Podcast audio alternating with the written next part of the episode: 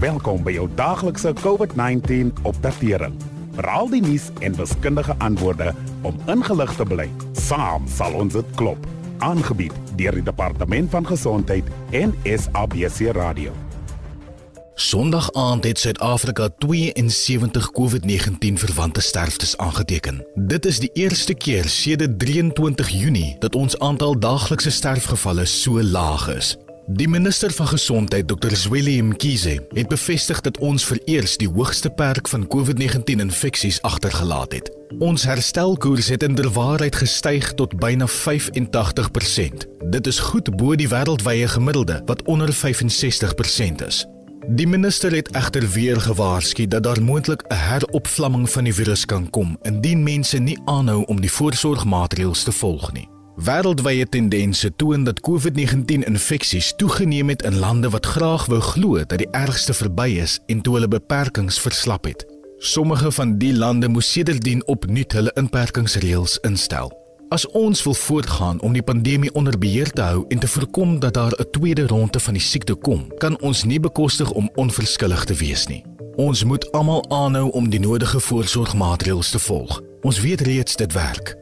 Hoewel die meeste persone wat van COVID herstel het, dit by die huis gedoen het, is dit vir party mense nodig om in 'n hospitaal opgeneem te word sodat hulle addisionele sorg kan ontvang.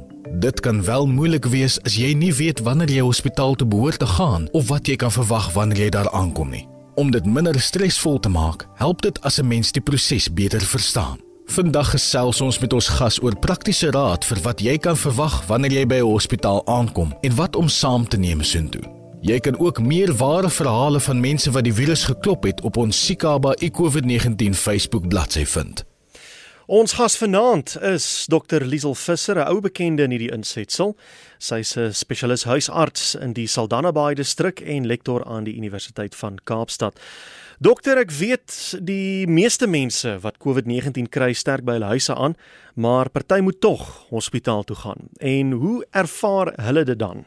Dis waar dat die meeste mense tuis gesond word, maar as jy wel in die hospitaal toegelaat moet word, het sy 'n staats- of privaat hospitaal, is dit belangrik om te onthou dat geen toelating in hierdie tyd soos van tevore is nie. Een van die grootste verskille is dat jy geen besoekers mag ontvang nie, al is jy in die hospitaal vir iets anders as COVID. Want COVID is so aansteeklik dat so min mense moontlik by 'n gesondheidsfasiliteit toegelaat word. En dan lyk al die gesondheidspersoneel ook anders. As gevolg van die aantal COVID-pasiënte in ons fasiliteite is die verpleegsters en dokters maar dun gesaai en sal hulle die meeste aandag spandeer aan die mense wat dit die nodigste het. En wanneer jy hulle sien, sal hulle waarskynlik persoonlike beskermende toerusting, oftewel PPE dra, soos 'n gesigmasker en 'n plastiese gesigskerm.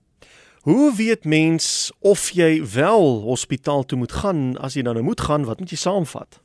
Dis 'n baie belangrike vraag. Dis baie belangrik om te weet wanneer jy mediese noodhulp moet bekom. As jy sukkel om asem te haal of pyn in jou bors het of nie jou koors kan beheer nie, moet jy definitief die nooddienste skakel. En dan ook as iemand in jou huis wat COVID het, um nie normaal reageer wanneer jy met hulle praat nie. Of dit nou te sê is dat hulle glad nie praat nie of dat hulle die mekaar praat, is dit ook nodig om dringend mediese hulp te bekom deur middel van die nooddienste of deur hulle direk hospitaal toe te neem. As jy COVID-19 het en ernstige simptome het, pak vir jou 'n gryp en gaan tassie in. In geval jy inderdaad hospitaal toe moet gaan, sit jou ID daarin, jou kliniekboekie as jy een het of 'n lysie van al jou kroniese medikasie as ook 'n masker. Jy gaan meeste van die tyd in die bed wees. So pak gemaklike klere in soos 'n T-hemp en 'n warm top, 'n sweatpak broek, sokkies, onderklere, pantoffels en 'n kamerjas. Dis ook lekker om 'n warm serp byderhand te hê nou in die winter. En baie belangrik, as jy op kroniese medikasies is, is dit baie belangrik dat jy dit of moet saamneem of 'n lysie van al die medikasies moet saamneem met die dosis en hoe gereeld jy dit drink, want dit is baie belangrik dat jy aanhou om dit te neem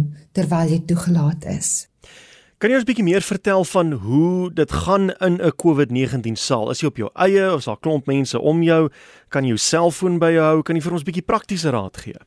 Alle hospitale is nie dieselfde of ewe goed toegerus nie. So mense se ervarings verskil, maar die meeste mense sal waarskynlik saam in 'n saal wees saam met ander pasiënte wat COVID positief is en nie in hulle eie kamer nie. Party mense sê hulle het byvoorbeeld 'n ekstra kombers of 'n kussing nodig gehad, maar ander sê weer nie so nie. So neem dit maar liewer saam. Maar as jy iets noodsaaklik vergeet het, behoort jy te kan reël dat iemand dit by ontvangs aflewer en dat hulle dit vir jou opbring saal toe. En ja, meeste van die tyd mag jy wel jou selfoon by jou hou om in kontak te bly met jou mense. Maak net seker dat jy ligtheid en data daarop het en bring jou oorfone saam as jy het. Baie mense sê daar's nie twee punt proppe nie. So bring 'n elektriese passtuk of terwyl 'n adapter of 'n klein verlengingskoord saam of selfs 'n kragstooreenheid soos 'n powerbank.